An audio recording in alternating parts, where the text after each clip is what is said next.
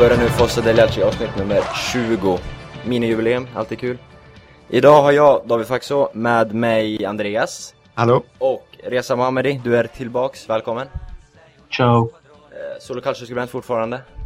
Yes. Idag tänkte vi prata om eh, Lazio-matchen, 3-0, det röda kortet, Pazzinis doppieta. Sen går vi över på Genoa, fullt fokus på fredagsmatchen. Eh, vi kommer prata lite om Borriello. Han är alltid trevlig att prata om. Vi kommer prata om eh, ja, hur vi vill formera laget och så vidare. Den här podden kan du höra på Svenska fans, på milarosnere.se och över iTunes i din eh, telefon. Då välkommen!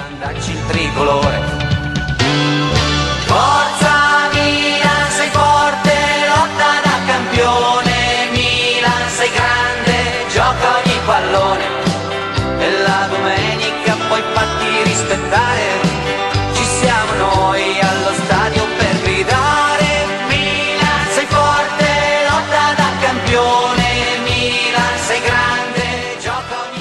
börjar prata om eh, seger mot Lazio förra helgen. 3-0.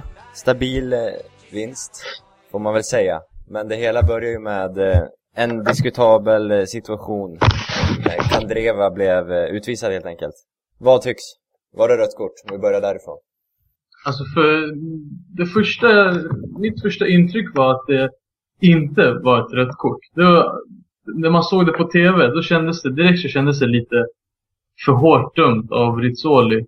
Och eh, när man visade på reprisen också kände jag fortfarande att det var kanske lite för hårt dumt, Men jag såg, det var svårt att se vart närmaste spelaren var. Det var i efterhand sen, när de, det var någon som hade lagt upp en bild på Twitter. Och då hade de fryst bilden precis innan Kandreva eh, river ner El Sharawi. Då ser man att den närmaste spelaren, det är André Diaz. Och han är två, tre meter bort från El Sharawi. Så om man, ska, alltså om man ska kolla på regelverket så är det ju rätt. Tycker jag i alla fall. För om Kandreva inte river ner El Sharawi så är han ju i princip ensam mot Marketti. För den närmaste spelaren var André Diaz och han var i princip två, tre meter ifrån honom. Så när man kollar, när jag, när jag såg bilderna i efterhand så tyckte jag faktiskt att det röda kortet var rätt. Men, mitt, men när, jag kollade, när jag såg det på TV, då kändes det lite tveksamt. Men, ja, men jag tycker ändå han gör, Rizzoli dömer rätt. Det är ändå, eh, om man ska gå efter regelverket så är det faktiskt rätt. Det är ju målchansutvisning om man säger så. Och, eh, sen har ju till exempel eh, flera domare uttalat sig. Till exempel Massimo Chiesa, tror jag han hette han före detta domare, han uh, sa också dagen efter matchen att det röda kortet, det, det var korrekt. Och eh, ja, ja, alltså i efterhand som sagt, jag tycker det är ett rött kort. Sen kan man ju fråga om det ska vara straff eller inte, om det innanför eller inte. Men det röda kortet tycker jag i alla fall är korrekt. Andreas, håller du med? Ja, jag håller med. Jag tycker att det är rött kort för att sen ska man inte hänga upp sig på det här för det heter ju inte frilägesutvisning, det heter målchansutvisning. Uh, att man inte blandar ihop de två begreppen så, men jag tycker absolut att det var rött kort. Uh, han hade ett väldigt... Visst att, eh, att han hade kunnat täcka upp försvararen där, men eh, han hade haft tillräckligt lång tid för att kunna få fram ett avslut tror jag. Jag, tror, jag tycker absolut att det ska vara en målchansutvisning. Sen så tycker jag dessutom att det är straff för att den är... Om den inte är innanför så är den absolut på linjen och då är det straff. Så eh, jag tycker att det skulle vara straff också. Så jag tycker att diskussionen som har varit efter kanske har varit lite överdriven. Så um, Petkovic var det väl och Lotito gick ut efter matchen och skyllde förlusten på, på domaren helt enkelt. Och att spela 10 mot 11 i 75 minuter är inte alltför enkelt. Men Samtidigt förstår man ju dem. De, eh, jag tycker Lazio började ändå matchen rätt så bra. De öppnade ju piggt. Och eh, även fast eh, vi hade våra chanser i början så tyckte jag ändå att de hade, de förde ju, de hade bollen och de spelade faktiskt bra. Så det var lite hårt. Jag kan tänka mig att det var hårt för dem att få det så pass tidigt också in i matchen, en utvisning där. Alltså det, det finns egentligen inte så mycket att säga. Alltså det, det var rött kort och det kanske skulle ha varit straff också. Om den var på linjen som Andreas sa så är det ju straff. Men och, eh, men jag, jag, jag förstår Petkovic och Lotito. Det var, ja, i princip alla i Lazio, de, ja, de, de nämnde ju straffen. De tyckte att de tyckte ju samtidigt, de, många av dem var ju med på att Milan var det bättre laget, att vi förtjänade vinsten, men att straffen kanske var lite hårt dum. Och att det trots allt avgjorde matchen. Eh, ja, alltså jag lite också Lazios frustration i det här för att det är en utvisning så pass tidigt eh, oavsett vad det handlar om. Det, det påverkar ju matchen och en, ofta avgör det också. Så det är ju enormt tufft att få, inte bara att man spelar borta på San Siro liksom, men även gör det med en man mindre i nästan hela matchen. Det, det är ju jättetungt och då kan man ju vara Samtidigt så måste ju domarna vara konsekventa. Alltså de kan inte döma olika om det är den 60 minuten eller om det är den sjätte minuten. Liksom. De måste ha samma referensramar hela tiden annars så är det ju, blir det bara ännu mer bedömningar som eh, domaren måste göra och tolkningar och så vidare. Och det vill man kanske begränsa för att det, det gör bara att det är ännu svårare att veta hur domaren kommer att döma och sådär. Så jag förstår frustrationen men jag tycker att domslutet är korrekt och diskussionen är överdriven. Stannar vi där. Eh, fokus utöver det, utvisningen var ju såklart på Gianpaolo Pazzini som eh, gjorde två mål och han gjorde en grym match, eller vad tycker ni? Han eh, bevisar ju mer och mer, som vi varit inne på tidigare på podden, att det kanske var ett bra byte med Casano trots allt. Speciellt nu när Casano bråkar som han gör. Det kom ju väldigt lägligt där om man eh, om eh, det, att det här bråket eh, uppstod samtidigt då som, eh, som Pazzini presterar mer och mer och, och nu eh, fick någonstans kröna den, de, de insatserna han gjort med två mål då. Äh, det, det känns ju riktigt bra. Jag var ju inne på det när bytet gjorde. Det var ju, eh, och fick väldigt, väldigt mycket kritik för att, eh, för att man kunde någonstans säga att bytet inte nödvändigtvis var dåligt för Milan överhuvudtaget. Det går fortfarande att säga, jag tycker fortfarande att båda sidorna tjänar på det, men man, som jag sa med när Hamilton gästade här, att eh, jag tycker absolut inte att man ska bedöma hur bytet har, har varit innan ens en säsong har, varit, eh, har spelats. Det är klart att Cassano presterar bättre på hösten. Men eh, då ska vi veta att nu börjar Patini komma in i det. Patini är ett par år yngre och han har inte hjärtproblematik han är inte liksom dum i huvudet. Det är liksom... Det finns en del fördelar med Patini. Han är liksom stabilare. Han har gjort 12 mål nu i ligan, tror jag. Fjärde plats i skytteligan. Eh, lyx, eller vad heter det? Mest framgångsrika duon tillsammans med El Sharawi. Framför Hamsik Cavani.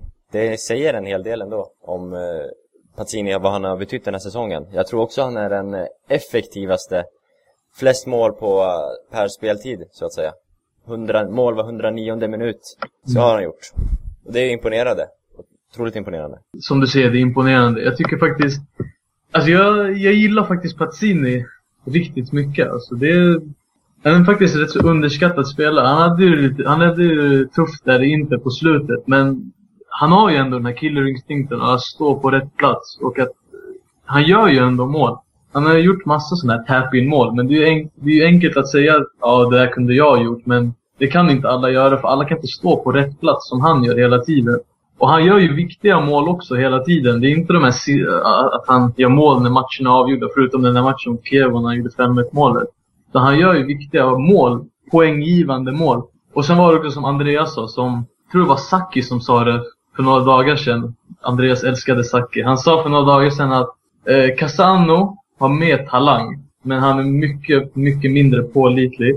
Medan eh, Pazzini inte har lika mycket talang som Casano. Men han är betydligt mer pålitlig som spelare och människa. Och eh, det säger det mesta liksom. Att man vet aldrig vart man har Casano. Ena dagen kan han vara den lyckligaste människan på jorden. Den andra dagen kan han, vill han göra revolt och eh, ja, vilja gå till den andra klubben. Ja, den andra klubben existerar inte. Det menar jag inte då. Så. Alltså det, men Pazzini, han, han är ju ändå, även fast han blev bänkad där eh, i början när Balotelli kom. Han sa ingenting, han klagade inte. Och så fort han fick chansen nu så tog han den. Alltså jag tycker han är riktigt professionell faktiskt. Han klagade inte, utan han bara gick ut och visade varför han ska spela, eller varför han borde spela. Jag tycker faktiskt han borde spela, även fast Balotelli är frisk. Så tycker jag faktiskt att Pazzini borde starta. Han förtjänar att starta. Han bidrar, förutom målen, så bidrar han med så mycket mer på plan. När det gäller att hålla i bollen, att öppna upp ytor för medspelarna att löpa. Han kämpar ju otroligt mycket. Medan å andra sidan Balotelli, jag gillar ju Balotelli också men det, det, känns som att han kan, han är lite för loj och lite för, ja han rör sig inte tillräckligt mycket på plan känns det som vissa matcher. Han gör ju mål visserligen. Dock har han gjort de flesta målen på frisparkar och straffar. Han har gjort ett spelmål hittills. Och, eh, men som sagt, jag tycker Pazzini, han, just nu känns han riktigt het och han borde få for, fortsatt förtroende om nu inte Allegri på något sätt kan hitta ett system där både Pazzini och Balotelli spelar tillsammans från start. Men annars så, just nu skulle jag vilja se Pazzini från start faktiskt. Andreas, jag vet att du gillar Pazzini, men håller du med om det där? Ja, alltså jag gillar också Pazzini väldigt mycket. Jag gillar också Balotelli väldigt mycket och eh, Sacchi, som du var inne på. Men eh, alltså en sån grej som Pazzini sa efter matchen eh, när han blev frågad om, om eh, den här målgesten han gjorde när han la sig platt. Jag vet inte vad det skulle likna, om det var någon ja, blandning mellan fisk och fågel. Liksom han sprattlade till där på någon, någon reklamskylt eller vad det var. Fantastiska scener på något sätt. Men så, så fick han frågan eh, varför han eh, eller varför han gjorde som han gjorde. Och då sa han då liksom att nej, det var inget speciellt bakom det. Det var bara spontan liksom eh, reaktion, eh, ingenting planerat. Och det tycker jag är så himla fantastiskt för att alla har planerade målgester liksom. Det är få liksom Insagis och, och den typen av, när man bara ser rena glädjeyttringar. Men det känns ju som eh, glädjeyttringar även om han har liksom de där fingrarna uppemot ögonen så känns det ju det känns som att han är glad när han gör mål och sådär. Och det, det, är också någonting som man gillar. Eh, utöver det Rätsa har sagt. Då. Ja, det, jag, jag håller faktiskt med om det här med glädjen. När han gjorde mål tidigare under hösten, då såg det lite mer ut som att... Han såg inte så glad ut när han gjorde mål, utan det kändes bara... Ja, han gjorde mål, så var det det. Så var det, så var det med det. Men nu känns han mycket mer... Alltså, det, glädjen var ju påtaglig, som du sa, under det där målet. Och det, det, kanske var spontant, men de la upp en bild där när han hoppade och flaxade, eller när han låg på de här reklamskyltarna, så var ju tydligen hans fru två, tre meter ifrån honom. Så det kanske var, hade något med det också att göra, att han ville springa ut till sin fru eller någonting, jag vet inte. Mm. Men hur som helst. Eh, ja, och sen eh, en annan grej också, jag vill bara lyfta, framhäva hans professionalitet. Eh, Galliani ringde och frågade honom om det var lugnt med att alltså, de skulle hämta in Balotelli och sådär. Och Pazzini var ju helt okej okay med det. Han såg det bara som en bra grej för klubben. Och det visar också att han, eh, han tänker, han, han, han räds inte för konkurrens. Och som sagt, när han får chansen som mot Lazio så vill han visa att han ska ha det. Jag tycker om det där. Han, han ger inte upp och han vill ju klubbens bästa. Alltså om man vill att en, så mycket, en så otroligt bra spelare som Balotelli ska komma till klubben då är klart, då vill man ju någonstans vill man ju klubbens bästa också. Annars hade jag ju inte ja, varit så glad över att Balotelli skulle komma. Men ja, som sagt, jag, jag gillar faktiskt Pazzini. Jag skulle vilja se honom från start framöver. Nu kanske nu kommer ju han, Allegri vilja vila honom inför Champions League. Men sen efter det så skulle jag vilja se honom från start då också. Efter Champions League då. Värt att poängtera med det här med telefonsamtalet mellan Galliani och Pazzini så hade ju Galliani tidigare lovat Pazzini att inte värva in någon topp, eller prima punta, utan satsa på, på Pazzini helt enkelt. Men efter det kommer det här samtalet som Galliani berättade om och som du återberättade. Eh, sen vill jag också poängtera, gå ännu längre tillbaks, det där med hans fruga på läktaren. Eh, två meter ifrån Pazzinis fru så stod ju Christian Brocchi av alla. Det är ju riktigt stort, man får inte glömma det på bilden. Jag missade det först själv men vår eh, trogna lyssnare och förmodligen gäst i framtiden, eh, Sakib, eh, uppmärksammar ju detta. Så Brocchi på läktaren alltså. Bobo Vieri var också där mot Lazio. Ja, jag tänkte det. Det var, det var Vieri jag sa, men då var alltså Brocchi också där. Mm, mm. Stort. det jag tänkte på det, det med att de skulle kunna spela tillsammans. För vi har ju sett Balotelli tidigare i en, ehm, i en roll på kanten när han spelade Inter eh, och vann eh, Champions League och, och trippel och allt sådär. Då spel, hade han en roll ute på kanten. Men det, det, är problematiskt att hitta en formation och det är svårt att göra det i det här läget eftersom Milan går så fruktansvärt bra med 4-3-3 och man, man, eh, även om Balotelli kan spela på kanten så blir det en helt annan liksom, karaktär på, på spelet och, och eh, tridenten. Det är, det är väldigt svårt och det är, man ska nog akta sig för att rubba den balans som finns i det här 4-3-3 där man har liksom eh, yttrar som kan jobba mycket hemåt i, i Boateng eller Niang och El Shaarawy på andra sidan. Så det, det känns i nuläget svårt att peta in både Balotelli och Pazzini från start. Lyxproblem för Allegri då just nu. Alltså. Mm. Ja, det är ju det. det vi har ju oftast, han har ju oftast rädd, eh, räddats från sådana här problem, lyxproblem då, genom att eh, stora delar av truppen har varit skadad. Eller det har alltid varit någon som har varit skadad eh, under hela säsongerna. Liksom. Nu har han ju för ovanlighets skull eh, nästan hela laget till, tillgå, eh, till sin tillgång. Det är ju bara de Jong eh, i princip som, som saknas bland de etablerade namnen. Milan, Milan, corre va, più nessuno ti fermerà. Milan, Milan, mondo intero può conquistar. Några andra som fick motstå stora hyllningskören var ju framförallt Mattia De Ciglo. Otroligt uppmärksammad i italiensk media och Berlusconi höjde honom till skyarna efter den här matchen.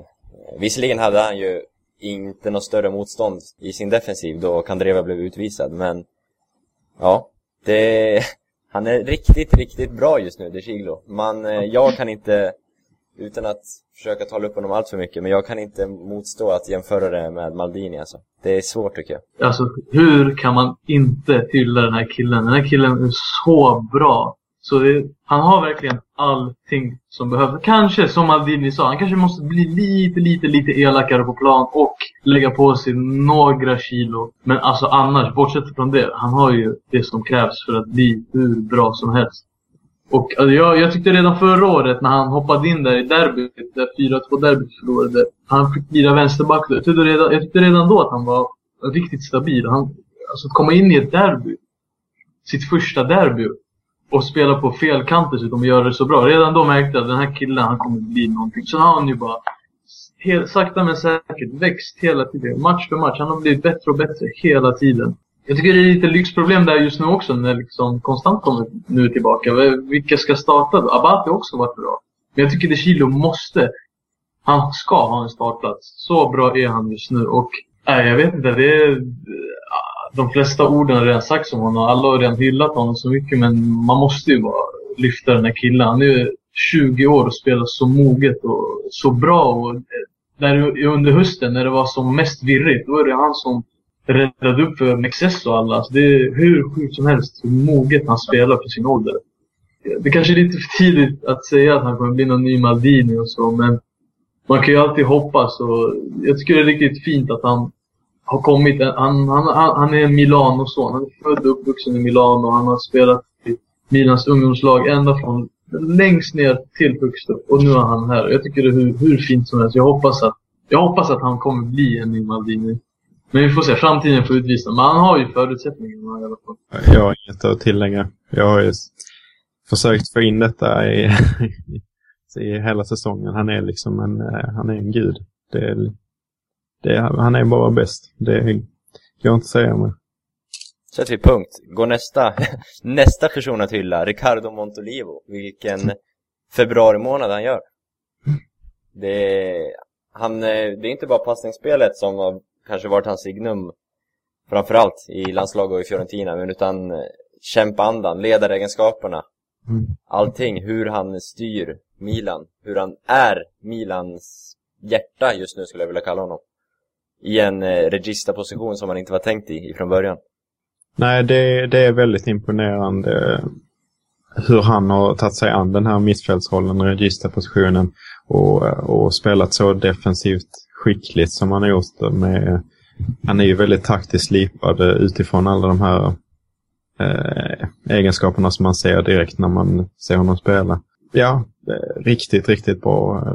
Eh, någonstans eh, motsats till Ibrahimovic så som blev sämre i februari så har vi sett många spelare som har, har steppat upp. Eh, nej, det, det är väldigt imponerande och det känns som vi har löst eh, registerpositionen med honom nu och kanske istället för att kolla på en ny Metsala. Mm. Eller om man nöjer sig med de eh, Gananer som vi har. Ja, eh, Montolivo, tycker han också är så fantastisk. Alltså det, jag tycker det är riktigt, jag tycker det är faktiskt lite överskattat med att ha bollvinnare och så vidare på plan. Okej, det, vissa gör ju det br riktigt bra, men jag tycker inte vi behöver en riktig bollvinnare på plan i dagens Milan. För Montolivo, han är en av de här spelarna, tillsammans med Pirlo och några andra.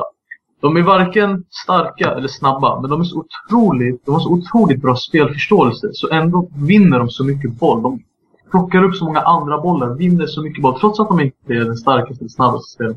Det är att de använder sin spelförståelse och vision. Att bara genom det kan de vinna så mycket boll. Vi ser ju hur mycket boll Montolivo vinner på plan. Hur mycket passningar han bryter och så vidare. Som sagt, just nu tycker jag det är lite överflödigt att ha en, en så kallad bollvinnare. En som, lite som Gattuso var.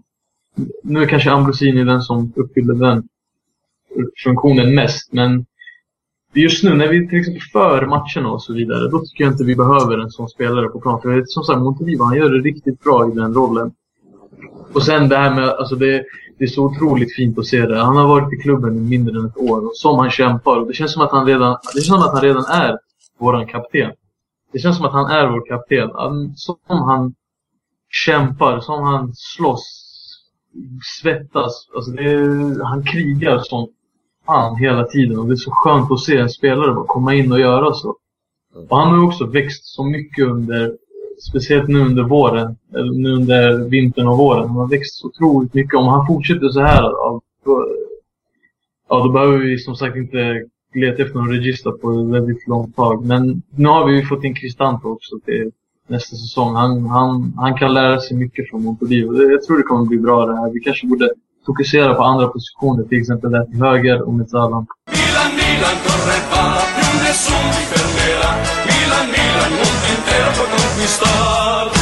Imorgon fredag så är det match mot Genoa eh, inför Champions League får man väl kalla det. Men det är en viktig match i ligan. Alla ligamatcher är såklart lika viktiga, mer eller mindre. Men eh, anmärkningsvärt eh, inför just nu är att Milan har en relativt skadefri trupp. Allegri påpekade detta på presskonferensen idag.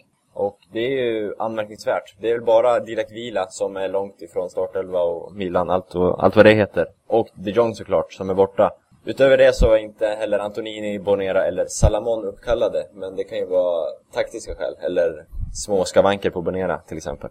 Det är anmärkningsvärt att Milan har kommit så pass långt, om man kollar på förra säsongen och förrförra, hur eh, skadeläget har förändrats till den här säsongen. För, för en gångs skull, måste jag säga. Det, jag tror det är första gången som vi har så här många spelare tillgängliga, så få skadade. Jag tror, det, jag tror nästan måste vara första gången under, sedan Allegri kom. Alltid varit någon borta. Nu känns det som att, ja nu är det i princip alla förutom de Jong då som du nämnde. Det är alltså en sån skada som på de Jong är svår liksom. Eh, det, det har inte med något strukturellt utan, och sådär utan det är sådana skador händer ju liksom. Det är mer en olyckshändelse och sådär. Milan har ju tagit en del åtgärder eh, för att, eh, för att liksom minska på skadorna. Man har ju sett de här problemen och, och liksom undersökt vad det har gjort, eh, vad som kan ha orsakat det. Man har skiftat i tränarstaben, eh, eller staben. man har eh, man har ju bytt gräset på San Siro som många spekulerade kring om det kunde vara det som var väldigt slitet när både Inter och Milan spelade varje helg. Liksom om det kunde vara det som, som gjorde att man drog på sig skador, för det var många av skadorna som tog, ägde plats på San Siro. och så har man ju sålt Pato till exempel. Så det, man har ju gjort grejer för att minska på antalet skador. Trots att Barcelona hävdar att det är en potatisåker San Siro så är ju det betydligt bättre nu med den halvsyntetiska mattan. Så det kan absolut ligga något i det. Eh, om vi kollar på matchen, Genoa har ju, de är i bra form just nu, även om de väl förlorade mot Roma sist med Totti Show. Men eh, Kuka, eller Kutschka, hur man nu ska uttala det. Jag är ingen, inte så bra på uttal. Men han är, saknas på grund av rött kort mot Roma. Och det får väl ses som väldigt positivt för Milans del. Ja, det är bästa tänkbara nyheter, eller det, det bästa som kunde ha hänt inom den här matchen. För jag tycker att Kutschka är en riktigt, riktigt bra spelare och han hade definitivt varit ett hot mot om han hade spelat imorgon. Och sen kommer ju Matusalem också vara borta troligen imorgon. Så där, där är det ett väldigt starkt inne mittfält som försvinner för Genoas alltså del. Så det känns ju ändå hyfsat bra imorgon. När, nu när de saknar två bra spelare. Sen har de ju vissa spelare som ska utvärderas, Flor Flores och så vidare. Men i alla fall Kutjka. det är ett väldigt stort av, avbräck. Jag tycker han har varit deras bästa spelare den här säsongen, Genoa. Så Ja, det är bra nyheter för eh, Montolivo och grabbarna på mittfältet. Slippa Kutjka imorgon. Du, du var inne på Montolivo där direkt. Det, det finns ju eh, en diskussion kring hur man ska vila spelare och inte och eh, där känns väl Montolivo som en spelare som kanske skulle behöva vila lite. Men man riskerar så himla mycket om man skulle vila Montolivo. Vi har sett det att varje match vi spelar utan Montolivo så får vi stora problem. Jag vet inte ens om vi, om vi brukar, hur facit ser ut exakt men, men vi har ju tappat poäng i alla fall de senaste matcherna när han har saknats. Det är det som är problemet. Vi har ingen riktig ersättare. Vem, ska, vem ska ersätta Montolivo om inte han spelar? Liksom? Det, Ja, det är väldigt svårt och det, det känns som det här är det stora frågetecknet kring fredagens match. Då, att hur ska Milan ställa upp? Ska man eh, vila några spelare inför Barcelona och vem ska man i så fall vila? Och vi ska komma ihåg att Genoa, som börjar säsongen väldigt dåligt nu när Ballardini har tagit över, så är det ett helt annat lag att möta. Mycket mer eh, organiserat och väldigt, väldigt svåra att möta helt enkelt. Det såg vi inte minst eh, eller vi har, vi har fått se det de senaste matcherna och han har ju fått resultaten med sig även om, eh, även om de tappar nu mot Roma. jag, tycker, jag tycker kanske, jag håller med om att man kanske borde fundera på att vila några spelare. Allegri sa ju på presskonferensen att ingen, ingen ska vila, förutom Abate av alla spelare. Han ska vila tydligen. Mm. Men sen sa han att bästa tänkt möjliga manskap ska vara på plan imorgon. Så, men jag vet inte, det, det känns ändå... Frågan är om vi kan vila någon, om vi har råd med att vila någon. Till exempel Montolivo kan vi ju inte vila. Det är, vi har ingen som kan ersätta honom. När han inte spelar, det var ju några matcher han inte spelade, det såg ju bedrövligt ut. Det är ingen som kan transportera bollen från mittfält fram till anfall. Det spelar ingen roll vilket anfall, hur bra anfall vi har. Om ingen kan transportera bollen till dem så kommer inte någonting hända. Och det var ju det som hände när inte han spelade där under hösten ett par matcher. För han måste ju spela. Sen har vi ju backlinjen. Det känns ändå som att uh, backlinjen kan vi har ändå spelat ihop backlinjen nu ett tag, Mexes och JFS. Mexes och Zapata har ju spelat ihop sig nu och det känns som att de borde fortsätta på den vägen. Och sen har vi ytterbackarna också då, De Chilio är konstant, de, det finns inget att säga där. De ska ju spela, Batu ska ju vila och konstant måste ju få komma i matchform igen då inför Barca-matchen. Och eh, med anfallet så, ja där är det lite si och så vem som ska spela. Balotelli är ju inte helt hundra. Allegri sa att han kommer starta på bänken. Samtidigt så vill ju Allegri att Pazzini ska vara helt 100% fit mot Barca så men han kommer ju troligen starta Pazzini, så kommer ju Balotelli komma in sen till andra halvlek. Skulle, vi Men, ha, eh, ja. nej, skulle vi ha en ledning i matchen så i slutet andra halvlek så, ja Pazzini kommer väl gå av, Balotelli kommer komma in. Men frågan är om han, han är inte dum, Allegri. Han vet vilka som är våra nyckelspelare. Montolivo El Shaarawy. Dessa kommer nog, tror jag, plockas av ifall vi har en trygg ledning. Jag hoppas det. Verkligen. Eh, han måste verkligen, jag tycker han absolut borde vila dem inför Barca. El Shaarawy har haft sitt knäproblem och Montolivo har matchats otroligt hårt senaste tiden. Han har väl knappt vilats någonting. Så, Han, kän, han känns som vår eh, nya Ibra när det gäller speltid. Han spelar varenda minut hela tiden mot Olivo. Mm. Och eh, sen, är det väl, sen är det lite skillnad på Montolivo och Ibra. Jag tror Montolivo klarar av det här bättre. Men hur som helst.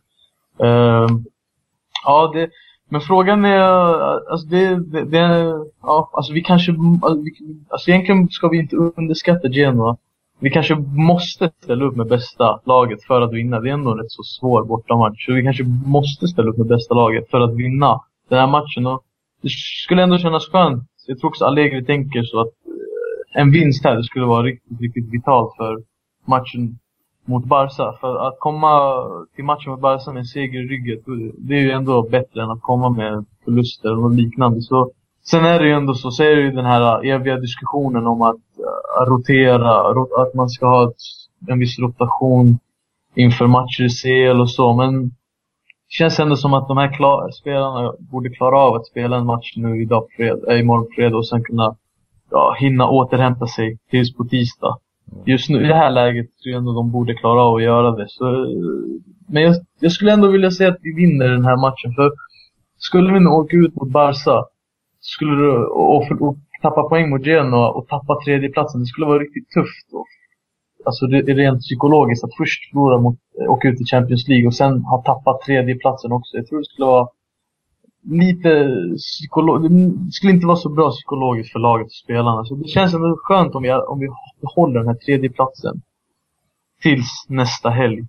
Och jag, vet, jag tror kanske det är så Allegri också resonerar. Han poängterade under presskonferensen hur många gånger som helst att det är viktigt att de vinner och behåller tredjeplatsen och att de ska kämpa för tredjeplatsen ända till slutet. Och att han, han nämnde tredjeplatsen minst tio gånger under sin presskonferens. Det var mycket så här att behålla tredjeplatsen. Det var det han poängterade under sin presskonferens idag.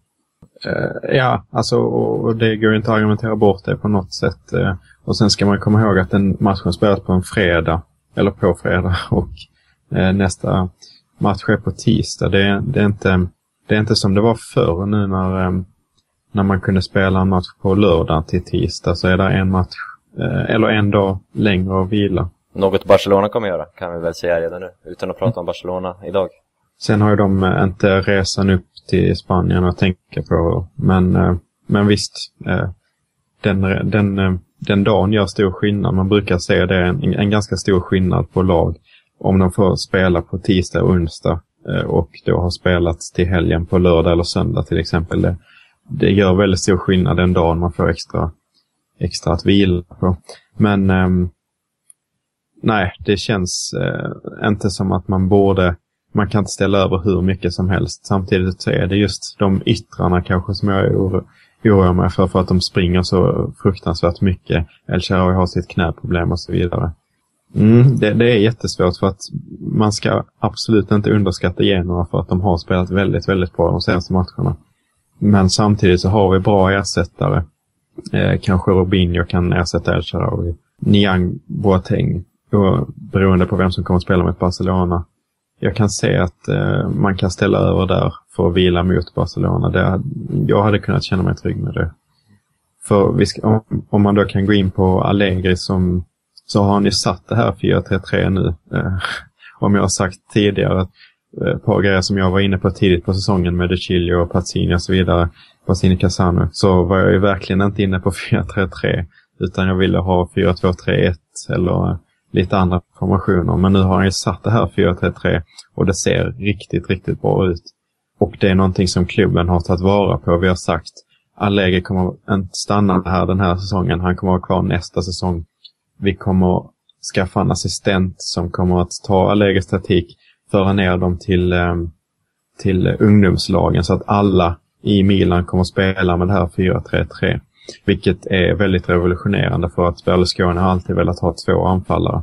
Så det här är ju, det är lite ett Barcelona-steg att man tar att man vill att hela klubben ska spela på samma sätt och det visar ett förtroende för Allegri och Allegris eh, system.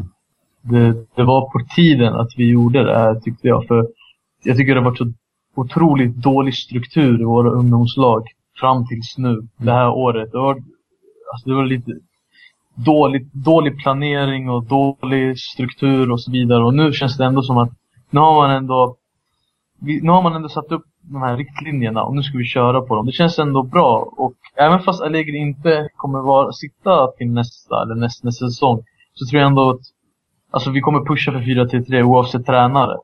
Alltså de kommer, Galliani kommer ju, Berlusconi kommer ju tvinga nästa tränare att köra 4-3-3 också. Jag tror inte det. De kommer byta nu. nu som du sa, nu kommer alla lagen och ungdomslagen kommer spela med 4-3-3. Så nu, 4-3-3 är här för att stanna.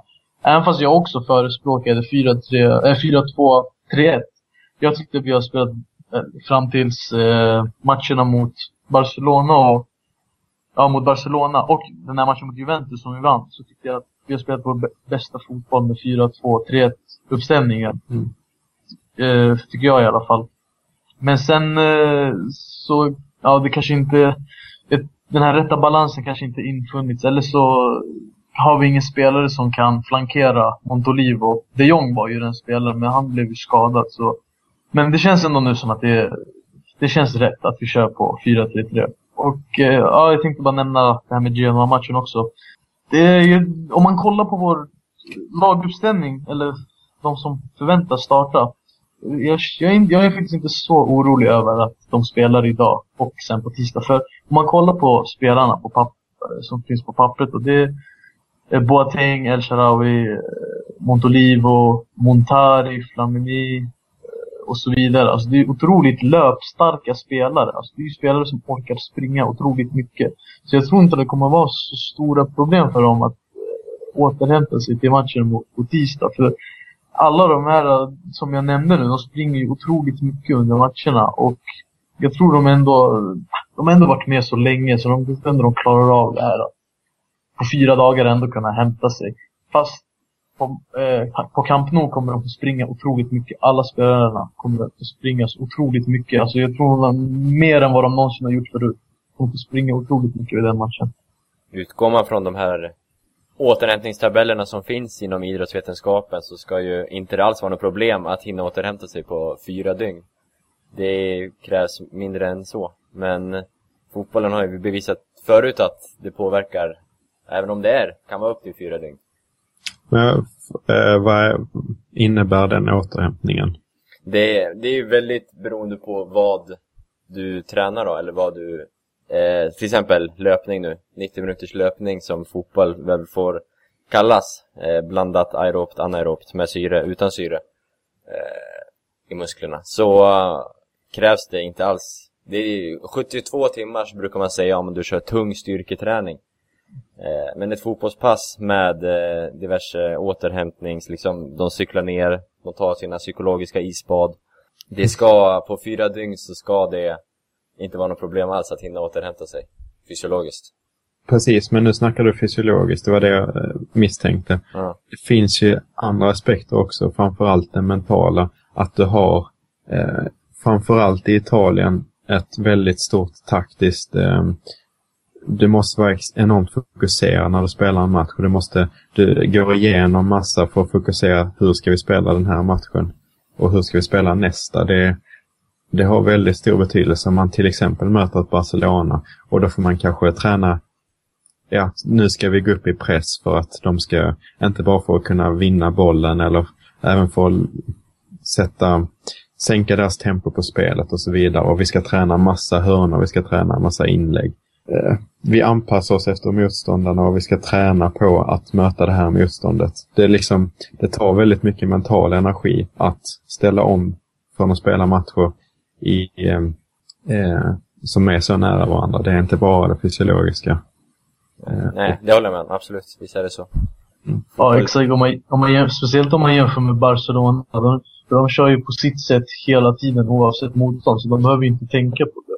Sen, sen, sen kommer de ju även, som de alltid gör inför Champions League, vila väldigt många spelare. De har ju ändå eh, försprång i La Liga. Och även fast de spelar med sina B-spelare så vinner de ju sina matcher ändå. Så de kommer inte vara... De har ju ett gynnsamt läge om man jämför med oss. Vi har ju, vi har ju mycket att tänka på i ligan. Vi har en tredje plats som vi nu ska försvara ända till maj. Mm. Och det, är ju, det, kommer ju, det är också någonting man måste tänka på hela tiden vid sidan om Champions League. Det, det är både och. Vi kanske ska gå in för mycket på Barcelona eftersom det kommer en specialpodcast just om detta. Men det, det finns ju Eh, det finns ju även saker som talar för att Barcelona verkligen vill vinna matchen innan mötet på Camp Nou. På samma sätt som du menade att eh, Milan verkligen vill slå Genoa för att kunna eh, för att kunna ha lite liksom posi- eh, ja, positivitet, positivism eh, inför det mötet de kommer ju faktiskt från en väldigt, väldigt, väldigt eh, svag trend med eh, förluster då mot Milan och mot två mot Real Madrid det är ändå acceptabelt. Det var ändå Milan borta, Real Madrid hemma och viss, visserligen hemma, men Real Madrid är ändå inget dussinlag. Och sen Real Madrid borta. Så det känns ändå som att man drar för stora växlar med det. De har förlorat tre raka. Det är ändå tre eh, så riktigt svåra, tuffa matcher. Och nu eh, när de möter de här andra lagen i La Liga tror jag inte de kommer ha några som helst problem. Vi är inte lika säkra på det.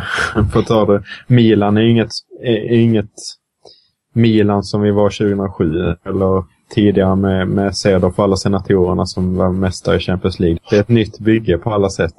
Eh, Real Madrid går, åker till eh, Barcelona för att spela i Copa del Rey eh, och vinner med historiskt stora siffror. De har aldrig vunnit så stort på Camp Nou tidigare.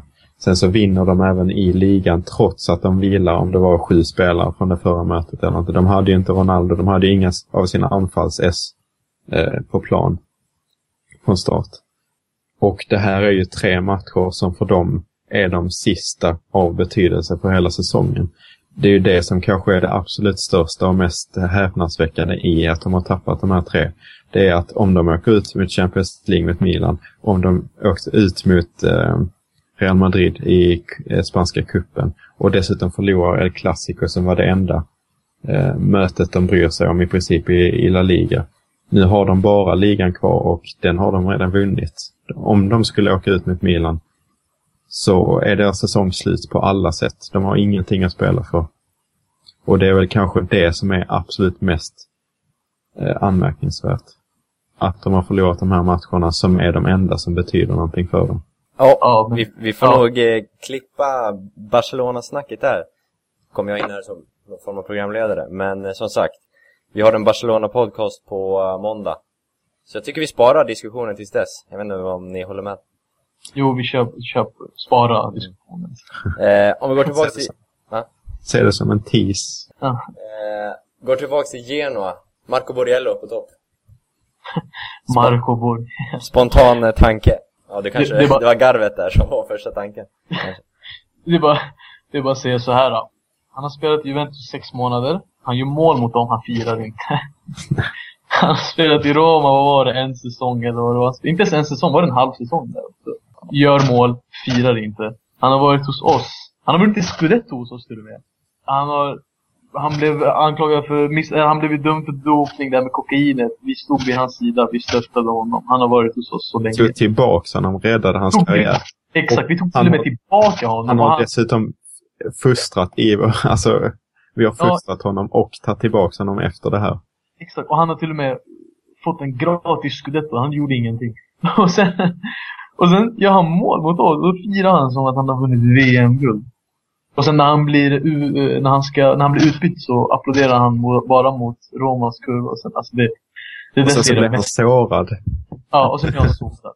Det ser det mesta om den här personen. Alltså, jag vet inte vad jag ska säga. Det är så klass. Det finns inget, man saknar ju klass om man gör sådär.